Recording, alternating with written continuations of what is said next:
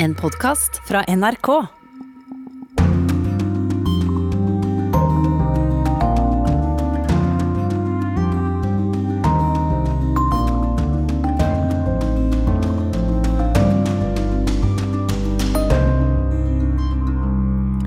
Velkommen til Urix på lørdag, i studio Øystein Heggen. Hvilken rolle skal Donald Trump ha i det republikanske partiet? Nå skal han holde sin første tale etter at han måtte forlate Det hvite hus. I Sverige øker temperaturen i debatten om landets koronastrategi. Lederen av det største opposisjonspartiet vil lære av Norge. Har man mye mye større smittespredning, da rammer det også eldreboenden. Den norske kommisjonen sa her om dagen presis samme sak. Det er den mindre smittespredningen i Norge som har lett til færre døde på eldreboenden. Og det er også høy temperatur i samfunnsdebatten i Frankrike, der en statsråd mener at en politisk sykdom, en koldbrann, har rammet universitetene. Hun snakket om en slags allianse mellom militante islamister og venstreorienterte akademikere som truer det frie ordskiftet og den frie forskningen islam-venstre. Argentina sliter, og mange av dem som har muligheten til det, forlater landet for godt. De er lei av at alt går på tverke, lei av å høre negative nyheter og aldri noe positivt. Korrespondentbrevet kommer fra Kina. Ukens podkast ser nærmere på Dubai, sjeikdømmet som frister med sol, strand og luksus, men også der prinsesser holdes fanget i årevis. Først til Sverige. Det ser ut til at det største opposisjonspartiet tar et endelig farvel med den smittevernstrategien som har skilt vårt naboland fra omverdenen. Lederen av Høyres søsterparti Moderaterna, Ulf Kristersson, mener det var feil av Stefan Löfvens sosialdemokratiske regjering å overlate krisehåndteringen av pandemien til smittevernekspertene. We will learn as we go. Uh, now we've had this pandemic for a year, so we, we know more what to do, of course. Veien blir til mens vi går, kan vi litt fritt oversette det Sveriges statsminister sa til utenlandske journalister for tre dager siden. Ettersom vi har fått vite mer om pandemien, vet vi også mer om tiltakene, sa Stefan Löfven. Men lederen av opposisjonspartiet Moderaterna etterlyser en mer offensiv holdning. Jeg tycker at vårens lærdommer borde lære oss at ikke bare hoppas på det beste, utan at også planere for det verste. Regjeringen planla ikke for verst tenkelige utfall, sa Ulf Kristersson til avisa Ekspressen nylig. Noen dager senere skrev han dette i dagens nyheter. Når man må styre i et tåkelandskap, er det bare regjeringen som kan ta ansvar. Beslutningene bør baseres på et føre-var-prinsipp. At Sverige ikke har hatt en sentral politisk kriseledelse, har beskyttet statsministeren, sa Kristersson under en debatt i Riksdagen nylig.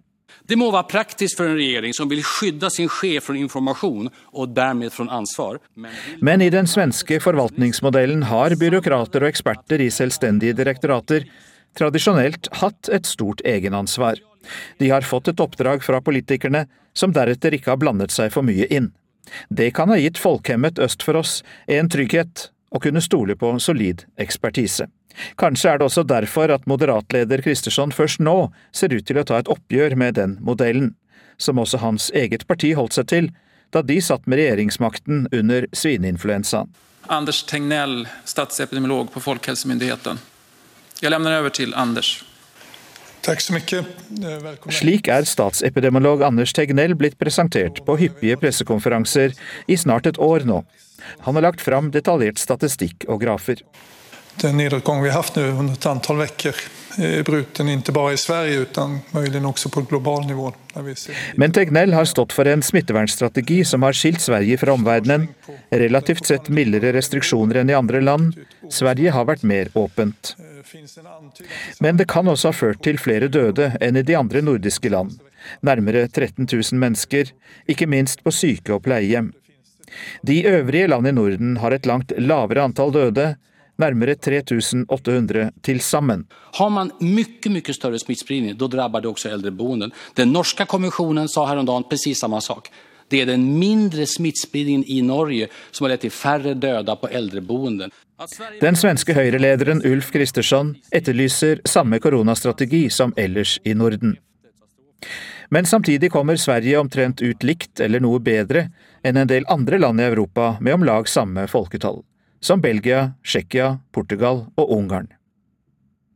To andre borgerlige partier har vært raskere ute med hard kritikk mot den sosialdemokratiske regjeringen enn det Moderaterne har. Partiet på ytterste høyre fløy, Sverigedemokraternas leder, Jimmy Åkesson, i juni i fjor. Misbedømning og underskattning av viruset. Det går ikke å delegere det ansvaret eller skyte fram myndighet. Feil og undervurdering av viruset. Regjeringen har skjøvet folkehelsemyndigheten foran seg, sa Åkesson. Kristdemokraten Ebba Busch kom med en voldsom salve i fjor sommer. Sveriges regjering med brått mod tillatt en stor smittespredning i Sverige. Koronastrategien har vært ført med overlegg, med hensikt for å hindre at helsevesenet ble overbelastet og for å skape en flokkimmunitet. Men det førte til at flere døde av covid-19. Og det er en uttalelse Ebba Busch fortsatt holder fast ved i et intervju med Sveriges Televisjon denne uka. Kommentaren kring brått mod, den står jeg for. Det er eksakt det som har vært Sveriges strategi. Etter hvert har statsminister Stefan Löfven gått mer direkte inn i styringen av smittevernet. Etter optimistiske ord om vaksinering avsluttet han denne uka likevel med en advarsel om en tredje smittebølge. Men den kan stoppes, den er ikke skjebnebestemt, sa Löfven. Det her er ikke ødesbestemt, utan det er ditt og mitt, vårt samlende agerende som avgjør huruvida det blir så. Göran Eriksson, kommentator i svenska Dagbladet, velkommen til vår sending. Takk så mye. Du har jo fulgt debatten om koronapandemien i Sverige, og vurderer du det da nå slik at den svenske forvaltningspraksisen, med stor selvstendighet da til byråkrater og eksperter, blir endret etter koronapandemien? Eh, jeg tror kanskje ikke at hele systemet eh, kommer til å bli endret. altså Hele forvaltningsmodellen den tror jeg, den tror jeg er så dypt forankret. Det, det vore en enorm apparat å gjøre om hele det, hele det systemet. Derimot så tror jeg at det finnes en, det vi kaller eh, krishantering i Sverige. Altså det finnes en modell for hvordan vi skal møte, kriser, eller håndtere kriser. Eh, som mycket bygger på den här modellen och den handlar då om att de, de myndigheter som har ansvaret, myndigheter eller regioner och kommuner som har ansvaret i vanliga fall ska behålla ansvaret i en kris. Det tror jag kommer att ändras. Jag tror att krishanteringsmodellen, den tror jag kommer att ändras efter coronapandemin. Men denne... For... Kommer helt, ja. Unnskyld, men denne forvaltningspraksisen som jo skiller seg bl.a. fra Norge og andre nordiske land, eh, hvorfor har eh, Sverige en såpass annerledes modell? Eh, vet, det finns en, en, fantastisk, en underbar historia som inte är sann, som, men den har berättats mycket nu i samband med, med jag vet inte om ni känner till regalskeppet Vasa det är, i Norge. Det, det är en svensk Titanic från 1600-talet. Det, det, tror jeg mange kjenner til, ja. ja stolt kungligt skepp som sjönk eh, efter en kilometer ungefär. Eh, historien är att, att, det var kungen, den svenska kungen som beordrade skeppet att, att eh, ge sig iväg trots att, trots att de som byggde skeppet visste om att det inte skulle gå bra. Eh, det där har nu kommit fram och används i den här, den här diskussionen om coronapandemin. Det vill säga kung, kungen eller politiker ska inte ha makt över sånt som de inte kan någonting om, som de inte behärskar. De, de kan inte bygga båtar, de kan inte bekämpa en pandemi. Eh, Problemet är att den historien, den, historien den, den, passar väldigt bra in i den svenska regeringens eh, berättelse om varför man gör så här. Men, men den är intressant vad jag förstår utan det, det, anledningen till att det ser ut så här det har inte med Vasa att göra utan det, har, det, det, det är en kompromiss mellan adel, borgare och bönder som, som kom till hundra år senare ungefär. Så det, det, har inte riktigt med det att göra men, men, men den det finns en idé som, som är ganska stark i Sverige om, om det här att det, det, ska vara någon sorts expert, expert. Experter ska styra, politiker ska den, den idén har då väckts til liv her. Nettopp. Denne troen på eksperter, og altså da som du peker på historisk kompromiss mellom adel, borgere og eh, bønder. Eh, litt tilbake til eh, pandemien. Eh, hvilken retning har den tatt nå i det siste? Den har vel eh, snudd noe, håndteringen av den?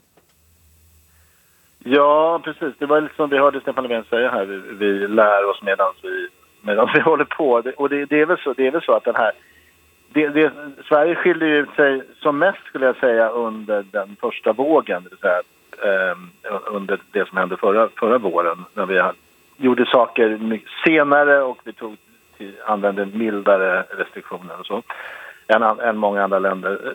Det har ju ändrat skulle jag säga sen, sen missade vi väl också, vi under, undervärderade, vi, vi missbedömde den andra vågen. Så den, den, var väl inte heller så lyckad. Men, men successivt har Sverige blivit mer och mer likt alla andra länder. Nu eh, i Stockholm, nu så är det så att alla, nu, nu måste man ha ansiktsmask dygnet runt om man åker tunnelbana, man ska ha det i, i affärer. Eh, restaurangerna stänger klockan halv nio. Det, har, alltså det blir mer och mer restriktioner, mer och mer likt de här de andra ländernas mer lockdown-liknande liknande politik. Så det, det, det, finns inte så mycket kvar av den här svenska modellen i koronahanteringen. Vi, vi, må sette av noen sekunder til politikken også, Eriksson. Fordi at uh, de borgerlige partiene virker jo nå mer samstemte i sin kritikk av regjeringens koronastrategi. Altså uh, ikke de borgerlige partiene som støtter opp om regjeringen, altså Liberalerne og Senteren, men de andre. hvordan vil det kunne bidra inn i valgkampen foran riksdagsvalget i 2022? Eh, jag tror att det kan, det kan spela roll. Det, det, det problemet för Ulf Kristersson, vi hörde Ulf Kristersson här, Moderaterna, det höjdeledaren. Eh, problemet för honom är att, att det tog så ohyggligt lång tid för honom att komma fram till att det, här var fel modell. Eh, det, det, var ju trots allt en, en ganska stor enhet i Sverige länge kring... Det, det, det fanns inte mycket kritik mot regeringens sätt och, och, och, mot den här speciella svenska modellen. Så det är klart att det är ett problem för dem när de vill börja kritisera regeringen. Men jag tror att, jag tror att eh, det finns förutsättningar för att man... Nu, kommer man ju, nu är man ju överens om att det här var fel sätt. Eh, och det gör att det finns, det finns då en, ett regeringsalternativ som då består av moderater, kristdemokrater och sverigedemokrater som inte kommer att sitta i regeringen säkert, men som ändå är med där. Eh, som, som, säger att det här, den här modellen, svenska modellen med expert, expertstyre, den ska vi inte ha i fortsättningen. Så jag tror att det kan spela, jag tror att det, det beror lite grann på förstås hur, hur, hur länge pandemin säg vaccinet, om vaccinet fungerar eh, vaccineringen fungerar, om vi får, får liksom bort pandemin från den politiska dagordningen, då kommer det inte spela så stor roll. Men det, det, är väl svårt att tro. Valet är ju nästa år och jag skulle tro att det här kommer att spela ganska stor roll. Hjertelig takk skal du ha, Göran Eriksson, kommentator i Svenska Dagbladet.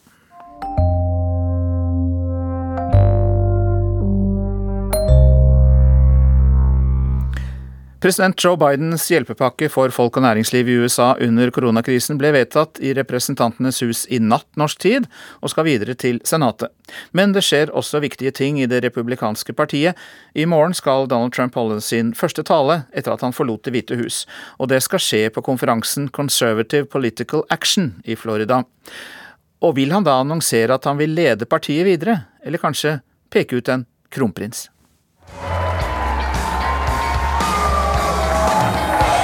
Does a heart good, doesn't it, Governor? Yeah. Well, I'll tell you, welcome to Florida. Foran en ganske stor folkemengde som står ganske tett, ønsker Ron DeSantis velkommen. Guvernøren i Florida er i sin egen og Donald Trumps hjemstat. Hit har republikanernes største årlige konferanse, CPAC, flyttet i år. Washington DC, der de pleier å holde til, tillater ikke store innendørsarrangementer nå i uka da USA rundet en halv million døde i pandemien. We are an oasis of freedom in a nation that's suffering in many parts of the country under the yoke of oppressive lockdowns. Vi er en oase av frihet i et land som lider under undertrykkende nedstengninger, sier DeSantis. Han er en av de yngre politikerne i USA som Trump har hjulpet opp og fram. Da Trump ble president, var han kongressrepresentant. Nå er han guvernør i folkerike Florida og bidro til at Trump vant en stor seier her i fjor. DeSantis er en av dem som vurderer å stille som presidentkandidat i 2024. Men først skal han altså ønske sitt forbilde, Donald Trump, velkommen til talerstolen i Orlando i morgen. Det er ventet at Trump vil snakke om innvandringspolitikk, skadelige koronanedstengninger og mye annet når han kommer dit for å holde sin første tale etter at han flyttet til Florida fra Det hvite hus for en måned siden. Trump har fortsatt store deler av partiet i ryggen, kan det virke som. Hans egne senatorer dømte ham ikke i riksrettssaken. Og da den mektigste av dem, partiets gruppeleder i Senatet, Mitch McConnell, på torsdag ble spurt om han ville stemme på Trump igjen om han var presidentkandidat, svarte han slik. If the president was the party's nominee, would you support him? Uh, the nominee of the party, absolutely. For 14 dager siden sto den samme McConnell på talerstolen i Senatet og sa at Trump var skyldig i å ha oppfordret til stormingen av Kongressen, selv om han valgte ikke å dømme ham.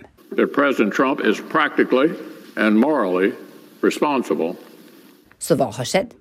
Det er fortsatt bare en liten del av det republikanske partiet som er klare til å ta avstand fra Trump. Bare sju senatorer og ti kongressrepresentanter ville dømme Trump i riksrettssaken. En av dem 43 år unge Adam Kinsinger fra Illinois forsøker å skape en politisk karriere av å ta avstand fra ekspresidenten. We need a Republican Party that maybe isn't crazy and can actually be a, uh, a productive member of a government that has basically two parties. Kongressrepresentanten har startet en tankesmie og vil ta det republikanske partiet tilbake til det det var lenge før Trump. Han blir stadig intervjuet av CNN og andre medier demokrater liker. Men konservative Fox News er ikke like opptatt av slike som Kinsinger.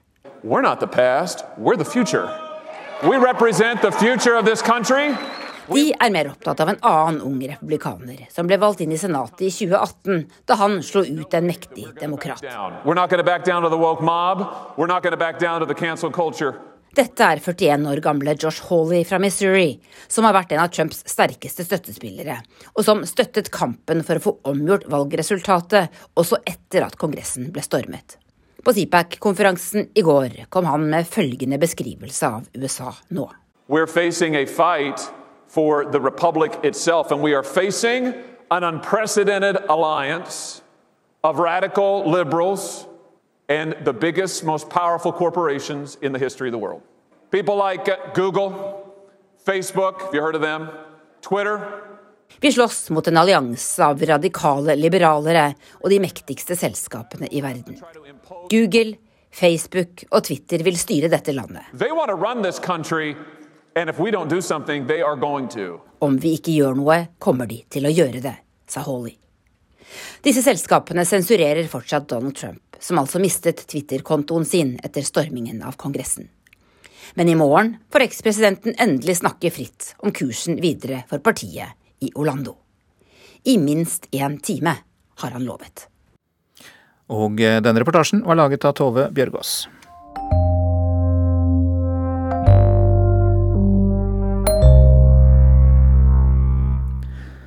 Du lytter til Urix på lørdag, og nå skal vi høre om en skummel sykdom som truer franske universiteter. Nei, det er ikke korona, det er en politisk sykdom. Det sier i hvert fall en, en fransk statsråd. Her skal vi høre mer om denne påståtte trusselen som kommer fra ytterliggående islamister og venstreorienterte i Frankrike. Moi, je pense que l'islamo-gauchisme gangrène la société dans son ensemble et que l'université n'est pas imperméable. En skummel sykdom, en koldbrann, truer universitetene, sa den franske ministeren for forskning og høyere utdanning, Frédéric Vidal, i en TV-debatt tidligere denne måneden. Hun snakket om en slags allianse mellom militante islamister og venstreorienterte akademikere som truer det frie ordskiftet og den frie forskningen. Islamogosjisme, kalte hun det. Islam-venstre. I nasjonalforsamlingen tok hun til orde for en undersøkelseskomité som skal vurdere koldbrannfaren og undersøke om akademikere misbruker sin posisjon og driver politisk og ideologisk aktivisme i stedet for forskning. Siden har utspillet og ordet islam-venstre blitt debattert i alle landets kanaler og aviser. Hva er det for en trussel vi snakker om? Tja, sånn hørtes det ut i en debatt på France 24 denne uka. Det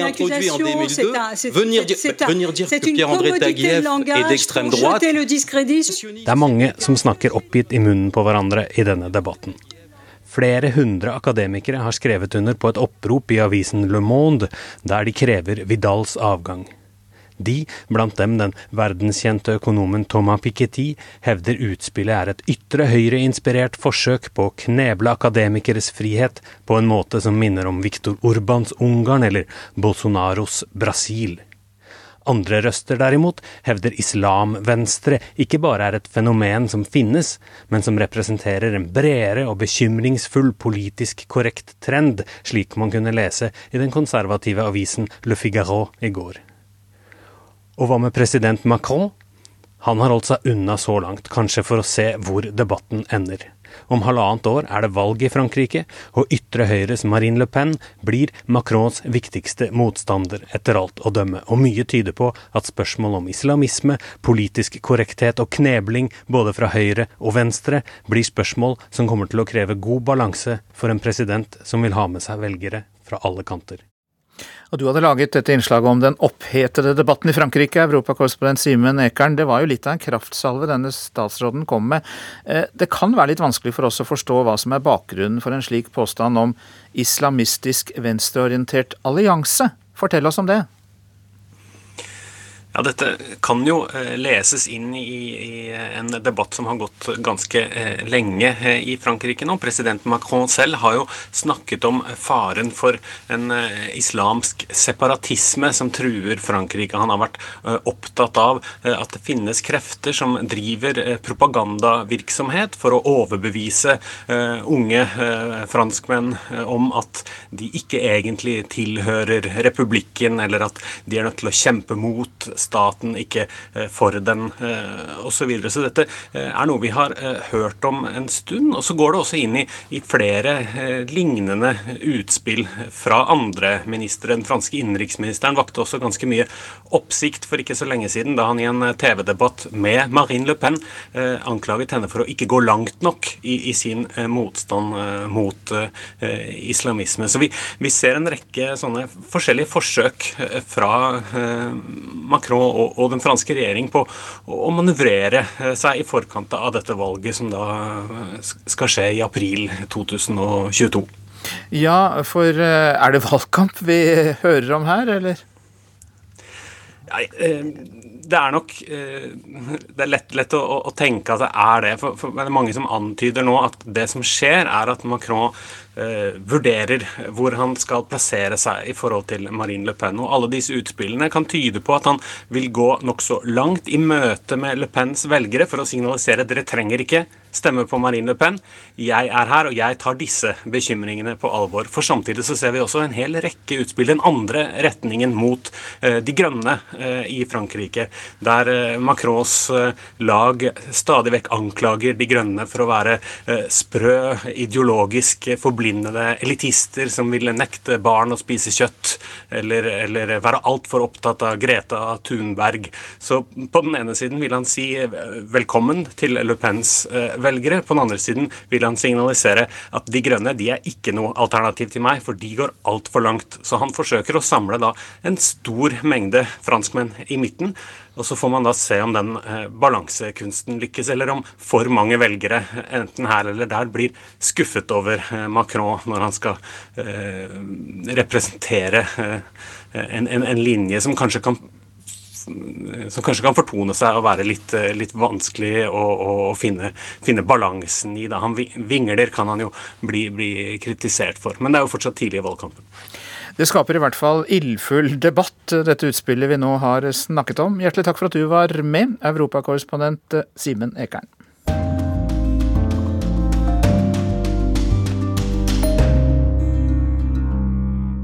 Stadig flere velstående argentinere forlater hjemlandet pga. den økonomiske og sosiale situasjonen. Mer enn halvparten av landets øvre middelklasse vurderer å forlate Argentina, og den største gruppen av dem vil reise til Spania, viser en ny undersøkelse. Vi er i kanal Argent App, kunngjør argentinske Eliana Deal, nå bosatt i Spania. Argent App, den argentinske appen, gir råd til utvandrere fra Argentina og har mer enn 45 000 brukere. Hay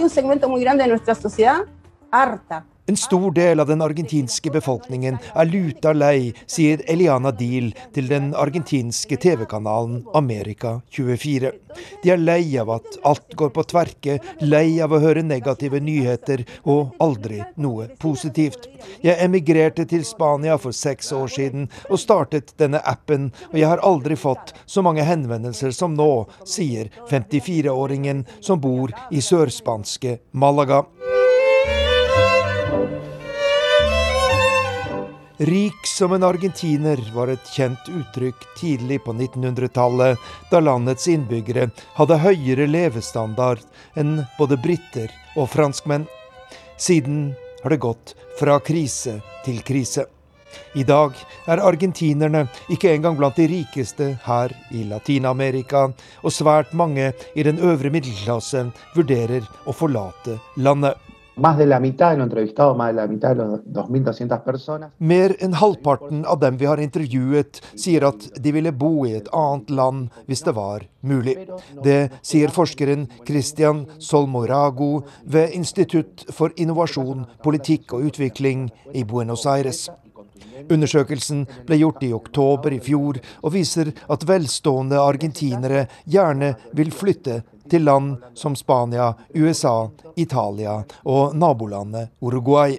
Yo, Mauricio Macri, juro por Dios nuestro Señor et håp ble tent i den argentinske middelklassen da Mauricio Macri ble innsatt som president i 2015.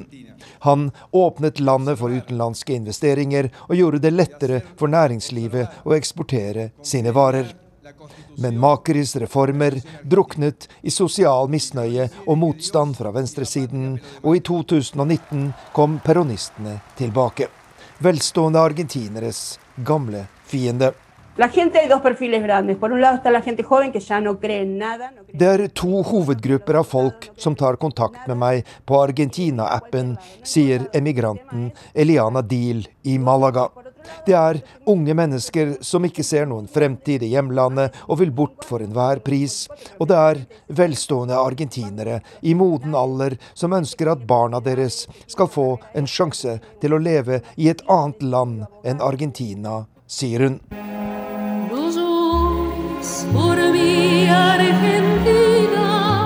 Det er på en måte Evita Perons Argentina de rike vender ryggen. Legenden Evita var gift med president Juan Perón, mannen som skapte den omstridte peronismen på 1940-tallet. I dette politiske prosjektet hadde Evita rollen som de fattiges venn, og peronistene skapte et samfunn med mindre ulikhet. Men fart på økonomien har de aldri fått. Kraftig koronarammet og nesten konkurs, men økonomisk nedgang på mer enn 10% i året som gikk. Det er situasjonen når stadig flere middelklasse-argentinere forlater hjemlandet. Og mange nikker gjenkjennende over replikkene i den gamle storfilmen 'Martin', der en kjent filmregissør oppfordrer sin sønn til å forlate Argentina. Det er et land uten fremtid, bestjålet og plundret, og det vil aldri forandre seg, sier faren. Men er du ikke litt vel pessimistisk, innvender sønnen. Alle land kan endre seg. Men Argentina er noe annet, sier faren. Det er ikke et land, det er en felle. Og Arnt Stefansen er vår reporter i Latin-Amerika.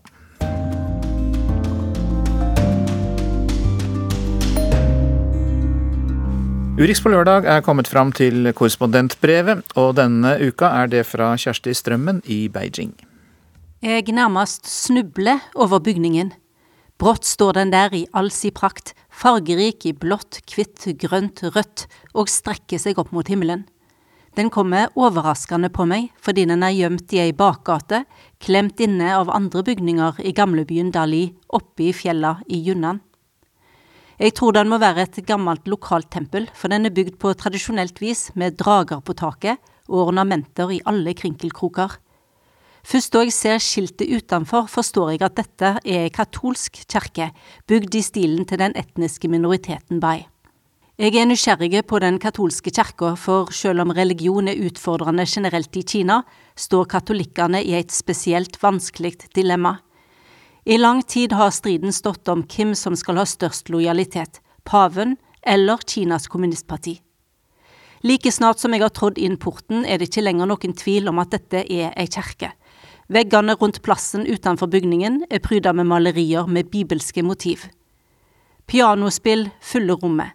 Ved alteret står en ung mann som introduserer seg som Munch Li Petrus og forbereder til messe. Li Petrus tar en pause i arbeidet og viser meg vennlig rundt. Han forteller at en fransk prest overså bygging av kirka fram til den sto ferdig i 1931.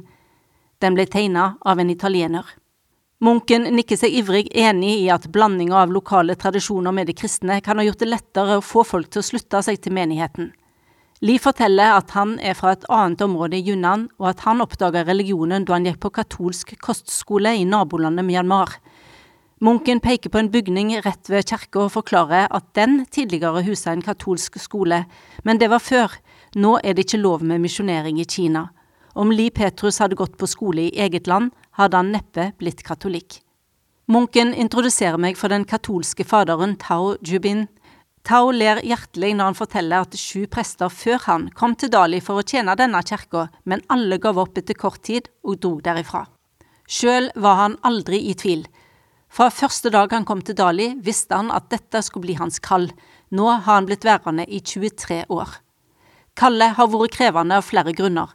Han tjener bare 1000-2000 kroner i måneden, og det er svært utfordrende å skaffe midler til vedlikehold av kirkene. Tao har ikke lov til å forkynne utenfor kirka. Om noen vil bli kristne, må de altså finne veien dit sjøl. Det er en skikkelig motbakke. Likevel er han med på å bygge skoler i området i samarbeid med de lokale styresmaktene. Jeg spør om ikke det indirekte òg er misjonering, og får et bredt smil tilbake. Vel, jeg legger aldri skjul på hvem jeg er og hva jeg representerer, jeg er alltid tydelig på det, men jeg misjonerer altså ikke, sier han. Utenlandsk påvirkning er blitt et fyord i Kina. Slik kinesiske styresmakter ser det, har ingen utenfor noe med å blande seg inn i deres interne saker, og da er det lett for at alt med utenlandsk opphav, som flere ulike religioner, blir uglesett. Tao vet hva det kan innebære. Han kommer fra en familie som har vært katolikker i generasjoner. Hjembygda ligger på grensa til Vietnam, og for mer enn 100 år siden fant misjonærer villig veien dit via den nye jernbanen bygd av den franske kolonimakta. Familien til Tao kom fra fattige kår, men katolisismen åpna dører til en ny verden. Flere i familien fikk god utdanning og reiste utenlands. Tao hevder at den etniske minoriteten miao, som han hører til, lett tar til seg nye tanker og ideer. Familien skulle få svi for det. Da Kinas kommunistiske styre tok over makta i 1949, ble prester forfulgt, og i 1966 begynte ti intense år med kulturrevolusjon og antireligiøse kampanjer. Kirka sine eiendommer ble konfiskerte, og fader Tao har brukt hele sitt virke på forhandlinger om å få dem tilbake. Han har klart det for kirka i Dali, men fremdeles mangler 70 av eiendommene bispedømmet en gang hadde. Kristne ble den gangen ikke bare tvungne til å vende ryggen til egen tro, men trosfeller både tusta på egne prester og gikk til fysiske angrep på dem. Tao forteller at også en av onklene hans, som var prest i hjembygda, ble satt i fengsel, og det tok 20 år før han kom seg ut. Andre prester ble tvungne til å gifte seg for å bevise at de var vendt tilbake til et verdslig liv. Presten i Dali mener det var verst da kineserne i forkant av kulturrevolusjonen fikk i oppdrag av å rense tankene sine. Da ble bestemora hans torturert og døde fordi hun var katolikk. Trass i disse påkjenningene ble Tao Jubin døpt så snart det lot seg gjøre i 1983, da kirkene fikk åpna igjen. Da var han 13 år gammel. Nå var forholdet mellom Vatikanet og de kinesiske styresmaktene for lengst over og ut. Kina danna ei egen katolsk kirke, der de kristne måtte være lojale til kinesiske styresmakter. Katolikker som var lojale til paven, gikk under jorda og risikerte forfølgelse og straff. Det var enten-eller. Tao valgte seg den Kina-godkjente kirka, og er positiv til at Vatikanet i 2018 endelig inngikk ei omstridt avtale med kommunistpartiet, og i fjor gikk med på å utvide den i to år. Ifølge avtalen anerkjenner paven alle biskopene som er blitt utpekt av kinesiske styresmakter, og som Vatikanet tidligere har vendt ryggen. Kina godkjenner på si side at paven skal ha det siste ordet når nye biskoper blir valgt. Kritikere mener at dette er et svik mot undergrunnskirkene, som har utgjort halvparten av Kinas tolv millioner katolikker. De har jo i flere tiår lidd for sin lojalitet til paven. Men Tao tror det nå endelig er mulig å stå samla for framtida. Trolig har pave Francis, som er den første jesuitten i ei slik rolle, studert hvordan katolisismen tidligere har oppnådd spillerom i Kina. I 1601 ble nemlig jesuitten Matteo Ricci den første europeeren som fikk slippe inn i Den forbudte by. Han fikk omvendt flere høytstående tjenestemenn. Det klarte han ved å adoptere flere kinesiske skikker, han til og med kledde seg som de. Det kunne kineseren leve med, men da paven 100 år senere fordømte lokale skikker, spesielt ritualene som hedra de døde, ble keiseren rasende og sendte alle misjonærene på dør. Ei slik tautrekking har det altså alltid vært mellom Kina og Vatikanet. Innenfor kirka i Dali er det høyt under taket, og lyset flommer inn fra glassvinduene oppe på begge sider. Rader med tomme benker gir et optimistisk inntrykk, for her er det plass til flere hundre personer.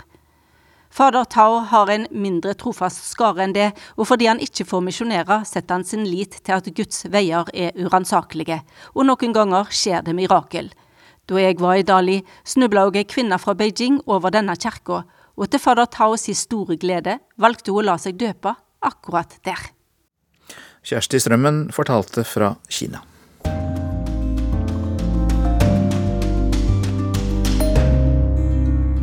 Nå om sol, strender, luksus, shopping og styrterike sjeiker. Men ikke bare det.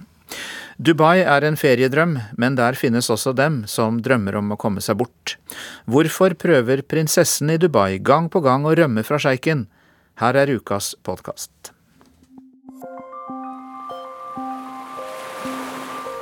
«27 varmegrader og strålende solskinn i Dubai i dag, Tove. Uh, Sjustjerners hoteller og shopping i verdensklasse. Det frister litt med en liten luksusferie, kanskje?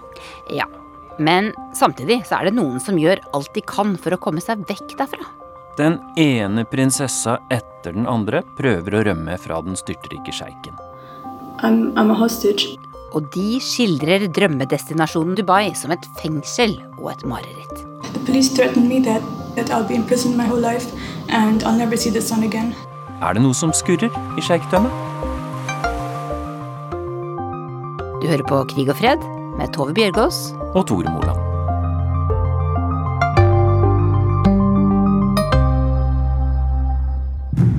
I felt it before I heard it. The heartbeat of a place I knew I belonged. Dubai er superlativenes hovedstad. De skal ha verdens høyeste bygg, de skal ha verdens uh, største menneskeskapte øy, verdens største innendørs uh, skianlegg midt i ørkenen. De har verdens største innendørs svømmebasseng. Det er ikke måte på. De skal sette verdensrekorder i det aller meste, og det er det som frister folk til Dubai. I'm the spirit of possible the spirit of Dubai. Jeg heter eh, Yama Wolasman. Jeg er NRKs Midtøsten-korrespondent bosatt i Beirut. Og jeg var i Dubai for en uke siden, på turistvisum. Dubai er jo kanskje definisjonen på kontrastenes eh, land. Eh, jeg tror ikke det er mange steder i verden du kan se bikinikledde kvinner på stranda som sipper drinkene sine eh, idet bønneropet gjaller fra moskéminaretene like ved stranda. Og folk strømmer til moskeene. Altså Det er en sånn sammenblanding av kultur, tradisjon, religion og modernitet i ett, som er veldig, veldig fascinerende. Ja, Hva gjør disse paradoksene, disse kontrastene med Dubai? De er jo, Noen vil si at de er litt forvirret. Hva er de egentlig? For på den ene siden er de superstolte av sin arabiske kultur, sine muslimske tradisjoner. De er veldig opptatt av å profilere seg som det. Du ser jo lederne i Emiratene går sjelden i, i dresser, selv om de har råd til å kjøpe seg de dyreste dressene i verden. De er veldig stolte av disse arabiske taubene sine. Men samtidig så er de veldig opptatt av modernitet. De er veldig opptatt av å vise at det er ingen motsetning mellom deres kultur, deres religion og det å være et hypermoderne samfunn. Hvis man googler et bilde eh, fra Dubai eh, fra 1950-tallet, så ser man at det er en ørkenslette med en håndfull bygninger langs en hovedvei. I dag er den veien Sheikh Zayed Road med kanskje verdens største konsentrasjon av skyskrapere. For 50 år siden så red man på kameler i ørkenen. I dag så kjører de luksusbiler. Men akkurat nå sliter Dubai litt med dette moderne imaget sitt, Yama. Fortell. Ja, de har jo uh, nok en, uh, en, skandale som de må forklare. En uh, prinsesse som har selv hevdet på mobilvideoer som har blitt smuglet ut av det hun kaller et fangenskap. Dette er datteren til sjeik Maktoum, den mektige eneveldige herskeren av Dubai. Så det er ingen hvem som helst vi snakker om her. Så sjeiken er ikke interessert i at hun skal komme seg vekk. I'm in a villa. I'm, I'm a hostage, and uh, this villa has been converted into a jail. All the windows are barred shut. I can't open any window. Uh, there's five policemen outside and two policewomen inside the house, and uh, I can't even go outside to get any fresh air. Forrige uke så dukka det opp eh, en del eh, videoer som eh, ja, egentlig var ganske sjokkerende. Det er rett og slett videoer av prinsesse Latifa i Dubai som forteller at hun holdes fanga i en villa mot sin egen vilje. Hun beskriver seg sjøl som et slags gissel, og at hun rett og slett frykter for sitt eget liv. Hun har låst seg inne på badet med en mobiltelefon som hun har fått smugla inn for å lese inn denne beskjeden? Ja, altså hun har fått da en eh, mobiltelefon smugla inn ved hjelp av noen venner og, og støttespillere, uh, og tar da opp de her videoene i skjul og sender dem uh, ut uh, til sine venner over en periode, ganske lang periode på ja, ca. ett og et halvt år. Men så plutselig stopper kommunikasjonen helt opp. Så da blir jo de her vennene ganske bekymra. Jeg er Irina Kjelle, jeg er journalist i podkasten Oppdatert i NRK. Og Oppdatert har brukt denne uka på å dukke ned i prinsesse Latifas skjebne, Irina. Ja, det har vi. I'm being punished, and uh, I don't know what can happen to me, and how long this will last, and if they decide to release me, like how my life will be. But um, I'm not safe at all. Irina Kjelle, fortell meg hvem prinsesse Latifa av Dubai egentlig er. Ja, Prinsesse Latifa av Dubai hun er 35 år gammel. Hun ble jo da født inn i en helt sånn ekstrem rikdom. Hun er en av eh, sjeik eh, Al Maktoums uh, veldig mange barn. Han har vel rundt 30 med forskjellige koner. Um, og hun har da vokst opp i det som tilsynelatende virker som et liv i luksus, men der det kanskje kan, ting kan tyde på at hun har jo ikke hatt den friheten som hun ønska til å f.eks. reise og studere og jobbe. Det er i hvert fall det hun sier sjøl, da. Og så er det av alle ting, Irina Kjelle, en finsk treningsinstruktør som har fått en sentral rolle i prinsesse Latifa-saken. Forklar. Ja, Tina Jauhiainen, eh, en finsk dame, eh, har blitt veldig sentral i denne saken. Eh, Tina hun flytta til Dubai i 2001 og, og jobba litt innen eiendom, og, men drev også med capoeira. Hun var instruktør i denne liksom, brasilianske danseaktige kampsporten. Og en dag i 2010 så var det en kvinne som tok kontakt med Tina hun ville gjerne lære seg capoeira, og det viser seg da å være prinsessa. Eh, og de to ble faktisk veldig gode venner, de var masse sammen. Eh, og prinsessa begynte å fortelle ting om hvordan hun egentlig hadde det. Eh, og det som etter hvert skjedde, var at de to sammen la en plan for hvordan Latifa skulle komme seg vekk fra Dubai. Det var i februar for tre år siden at prinsesse Latifa forsøkte å flykte fra Dubai. Hun kjørte bil til Oman sammen med sin finske venninne og treningsinstruktør. Derfra rodde de i en liten oppblåsbar jolle ut på havet, der en fransk agent plukket dem opp på vannskuter. Fire mil lenger ute ventet en amerikansk yacht, som så satte kursen over havet mot Goa i India. Men etter åtte dager var eventyret brått over.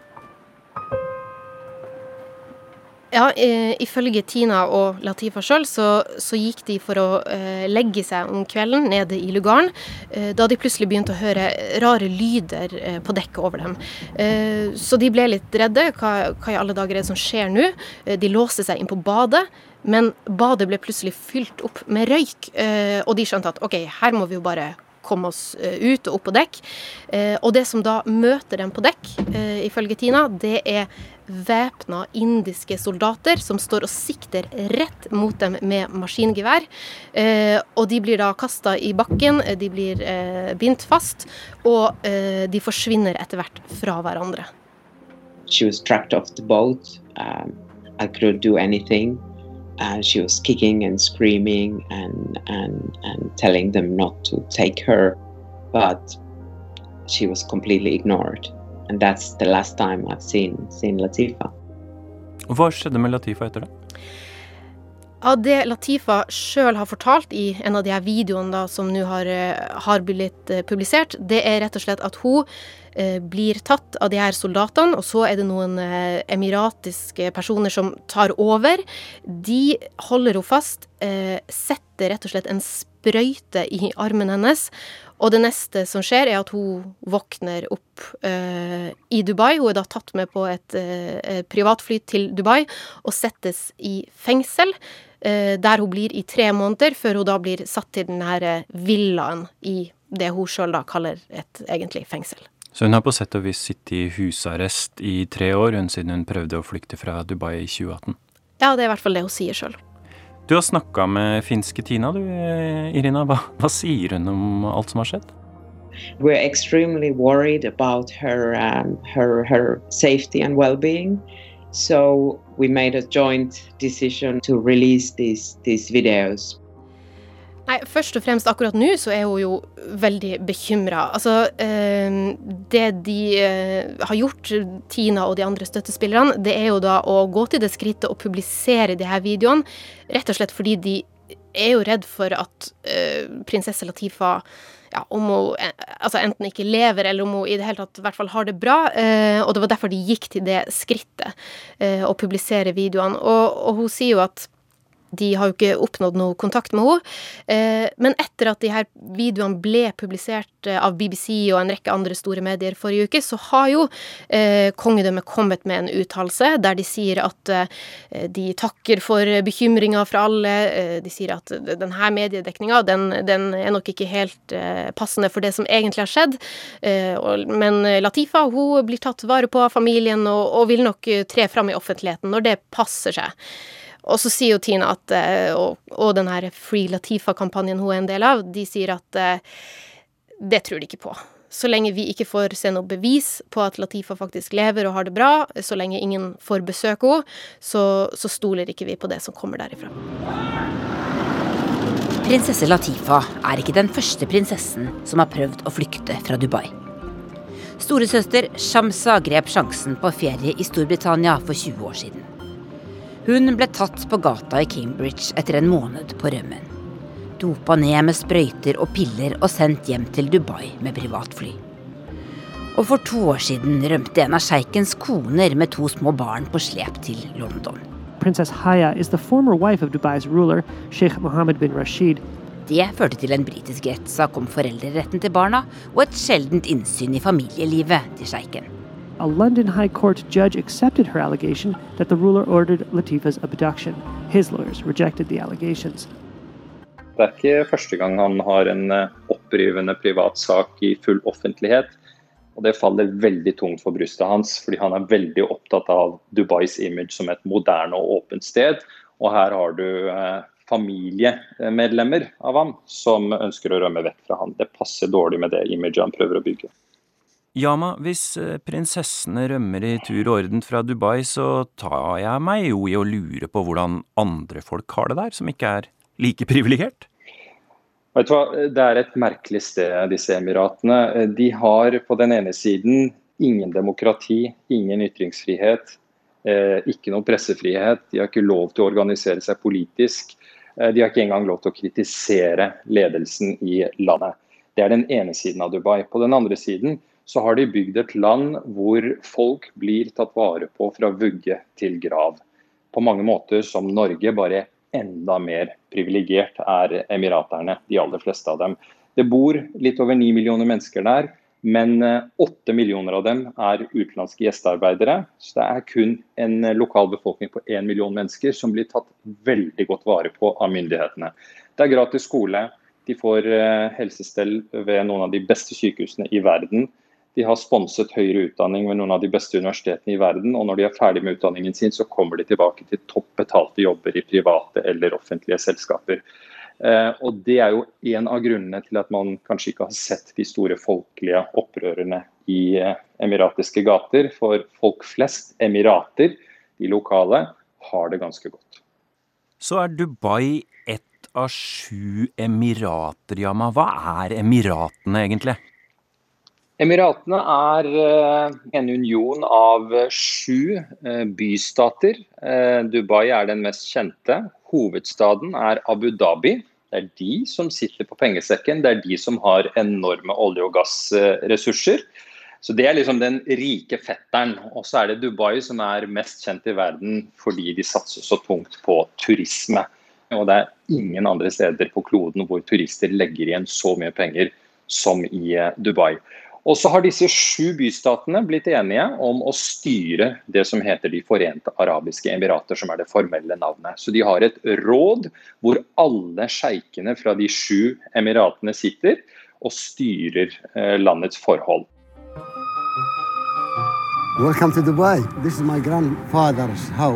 Dette er altså sjeiken prinsessene flykter fra. Mohammed bin Rashid al Maktoum. Han er emir av Dubai og både statsminister og visepresident i De forente arabiske emirater. My vision is to Dubai to be number one and happiest nation. Men bak ham lurer en enda mektigere sjeik. Mannen som bare kalles MBZ. He is one of the most powerful men on earth, and yet the ruler of the United Arab Emirates maintains a relatively low profile on the world stage. Mohammed bin Sayed kronprins av Abu Dhabi, et annet av de sju emiratene. I virkeligheten er det han som styrer emiratene nå. Fortell meg om MBC, Yama. Det MBC ønsker, er å sette Emiratene på verdenskartet, og på mange måter har han klart det. Det er knapt en politisk prosess, en konflikt i Midtøsten og regionen her, hvor han ikke har en finger med i spillet. Han har ekstremt store ambisjoner for sitt land, politisk, økonomisk. Han er en veldig viktig alliert for mange vestlige, de fleste vestlige land. Han har uh, klippekort inn til verdens mektigste ledere, som tar han imot uh, med åpne armer.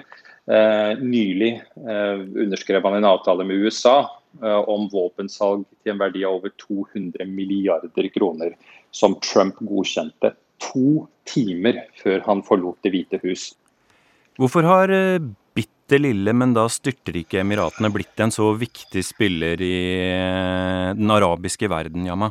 Det er i stor grad eh, velstanden deres som gjør at de er så mektige. De eh, inngår gigantiske avtaler med vestlige land. Den type avtaler gir en form for immunitet mot kritikk. Eh, du hører sjelden vestlige land kritisere emiratiske ledere.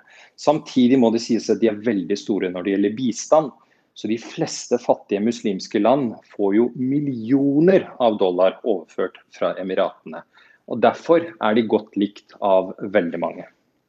Hvor skadelig er disse familieskandalene hos sjeikene i Dubai for eh, Emiratenes eh, forsøk på å markere seg internasjonalt, da, Yama? Jeg tror ikke det har så mye å si politisk, fordi de er som sagt såpass mektige at de fleste vestlige land eh, ønsker å pleie et godt forhold til Emiratene. Eh, når det gjelder omdømmemessig, så er det nok mye verre. Dubai og Emiratene liker å fremstille seg selv som en hub for modernitet. Her aksepterer vi alle slik de er. Eh, og så hører vi om nære familiemedlemmer av sjeiken som sier at de holdes fanget under forferdelige forhold, det passer ikke akkurat inn med det imaget som de har brukt flerfoldige milliarder dollar på å bygge opp. Så Sånn sett er det en, en ganske stor ripe i lakken for Dubai.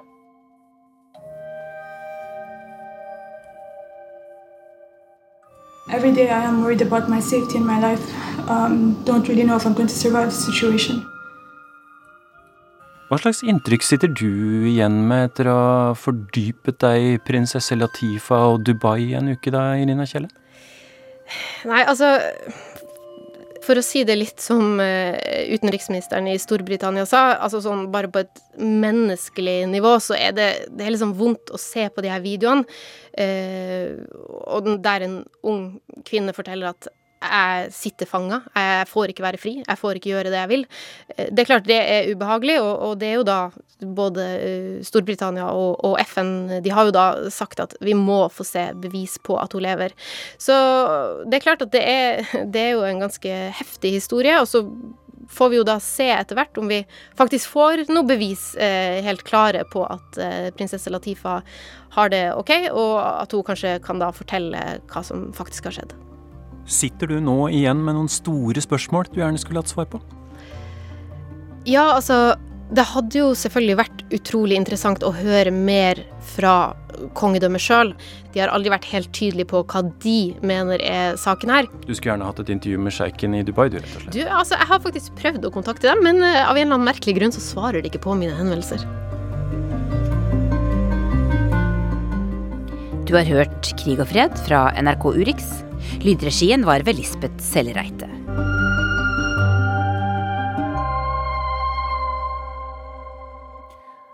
Og teknisk ansvarlig for denne utenrikstimen var Eli Kyrkjebø, produsent Tom Ingebrigtsen, og de ansvarlige for innholdet var Anja Strønen og Øystein Heggen, som du også hørte her i studio.